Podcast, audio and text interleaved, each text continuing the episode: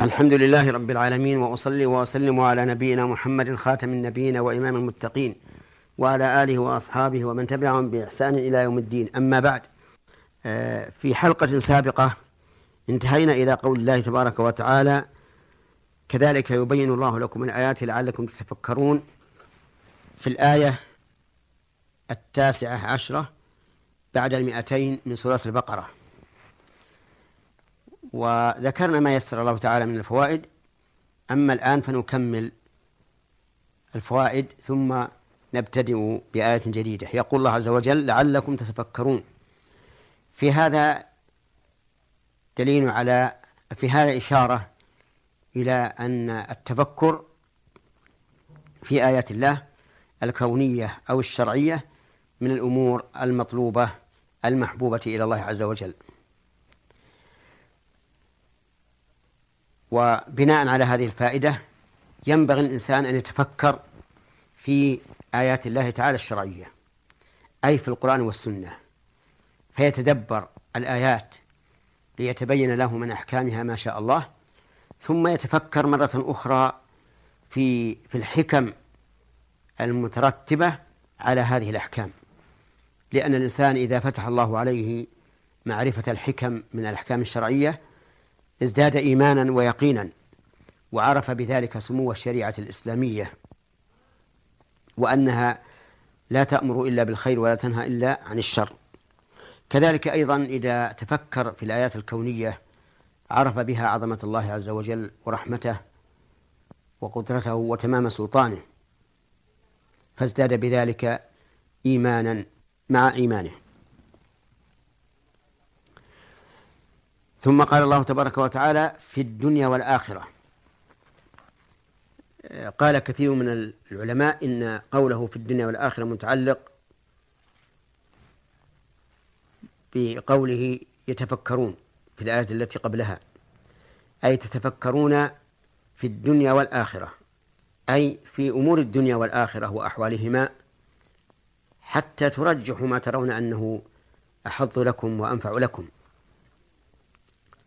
ومن المعلوم أن الإنسان إذا فكر في أمور الدنيا والآخرة وكان ذا عقل فسوف يقدم ما كان من مصلحة الآخرة على مصلحة الدنيا. ولهذا أنب الله تعالى من آثر الحياة الدنيا على الآخرة فقال تعالى بل تؤثرون الحياة الدنيا والآخرة خير وأبقى.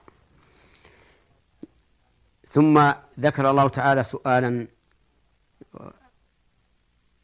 آخر من الصحابة رضي الله عنهم فقال ويسألونك عن اليتامى. واليتامى جمع يتيم. واليتيم هو من مات أبوه ولم آه، يبلغ. وكان الصحابة رضي الله عنهم لما نزل الوعيد في من يأكل أموال اليتامى تحرجوا رضي الله عنهم من مخالطة اليتامى خوفا أن ينالهم الوعيد. المذكور في قوله تعالى إن الذين يأكلون أموال اليتامى ظلما إنما يأكلون في بطونهم نارا وسيصلون سعيرا. فقالوا إن خالطناهم أثمنا. وإن بايناهم صار علينا الحرج الشديد. فسألوا النبي صلى الله عليه وعلى آله وسلم عن هذا الأمر وماذا نصنع. فقال الله تعالى جوابا عاما شاملا إصلاح لهم خير. يعني أن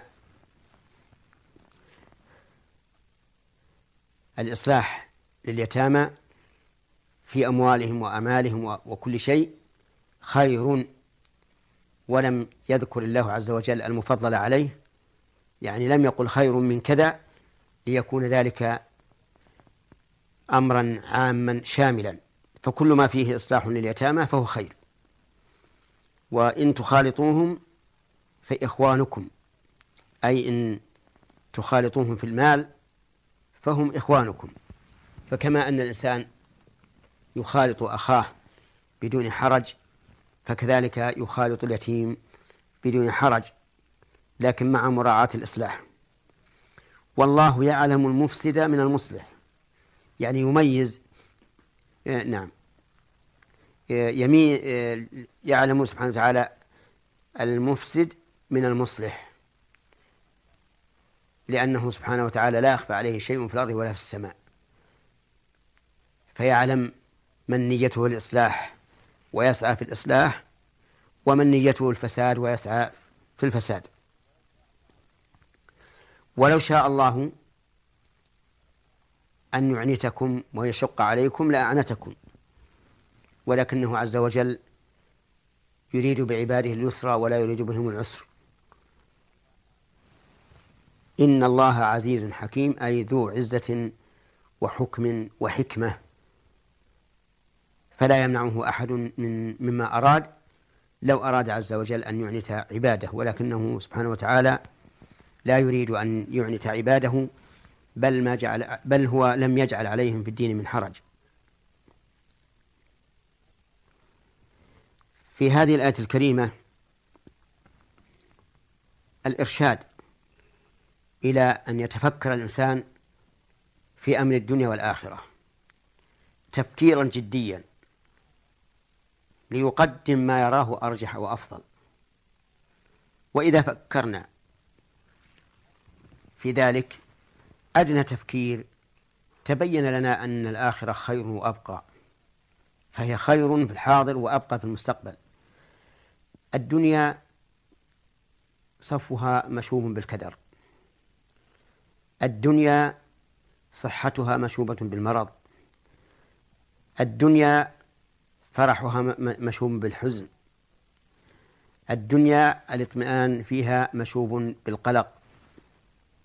وهكذا كل أمرها الذي فيه المصلحة مشوب بما فيه المفسدة. الدنيا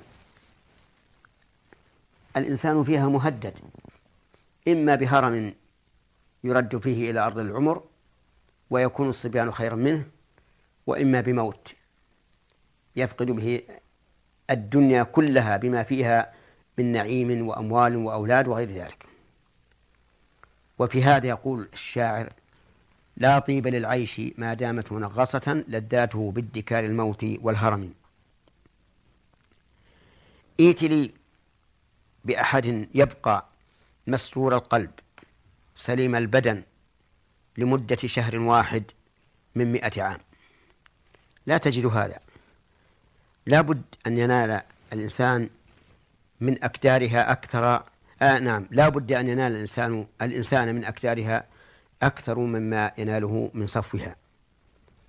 أما الآخرة فإن من كان من أهلها وهم أهل الجنة نسأل الله أن يجعلنا وإخواننا المستمعين منهم. أما الجنة فإنها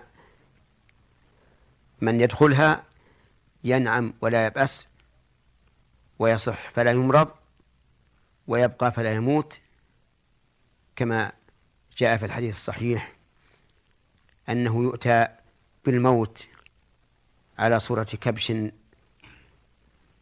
فيوضع بين الجنة والنار ويقال يا أهل النار يا أهل الجنة فيشرئبون ويطلعون فيقال لهم هل تعرفون هذا؟ فيقول نعم هذا الموت.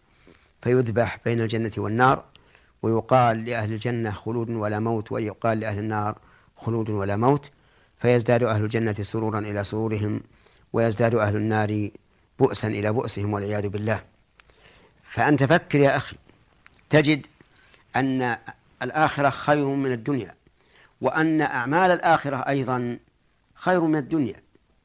لما قال رجل يا رسول الله دلني على عمل إذا عملته أدخلني الله الجنة وأنقذني من النار أو أو كلمة نحوها يدخلني الجنة ويباعده من النار. قال لقد سألت عن عظيم وإنه ليسير على من يسره الله عليه.